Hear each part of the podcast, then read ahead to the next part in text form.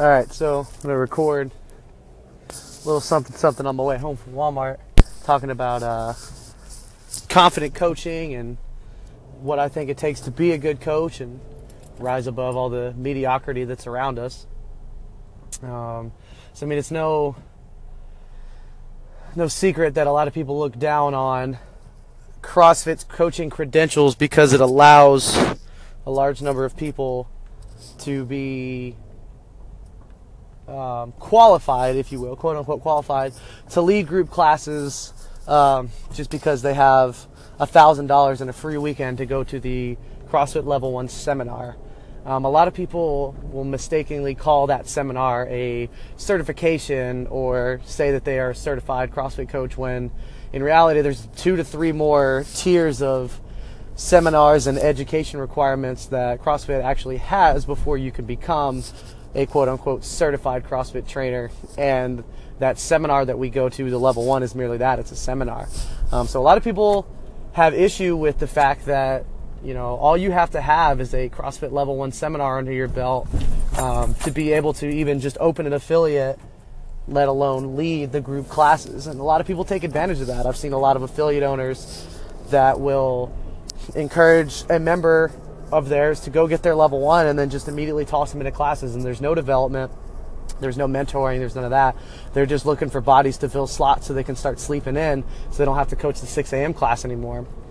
And while I guess you could find some good in that, and that there's a big learning curve and all that stuff, and people can like learn by fire, whatever.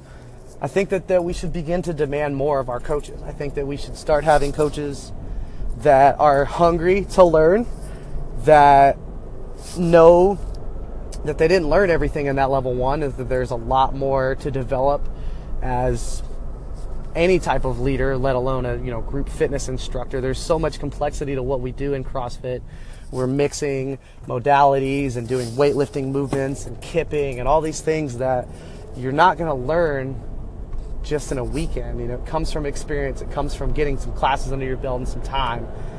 And I just I find it unfortunate when affiliate owners just throw people in to the fire and they say, "Ah, you'll do great, you'll learn." I think that we need to start demanding more. On the other side of that, as you coach and as you lead, uh, a lot of people deal with insecurities and a lack of confidence when they lead a group. And that's understandable because the things you know I just mentioned. There's so many things going on. How could we possibly master or have the answers to everything? I think the bottom line to that question is there is. You're never going to master it. There are no masters. We're always learning. It's just like any skill. most skills in life you never truly master. You just get really, really good at them. Um, and when you're able to express your proficiency in those skills, you know, that's when people take notice, but you never really truly master it. And I think the common quote is they say, if you find yourself in a room where you're the smartest pe- person in that room, you should find a smarter room. I think we should always try to grow and learn continuously. I think the the moment that you think that you have all the answers or you're the best coach in either your gym, the area, whatever it is, I think you've lost. You've lost what it is to be a good coach. Um, and I get that there's a lot of insecurity when you're up there in front of that group and you're leading everybody through it. And I've been doing this for a large handful of years, and I still have those moments. Did I, am I going to say the right thing? Am I fully prepared to lead these people through this? Am I going to be able to express what they need to know about the workout, a specific skill, movement, whatever it is?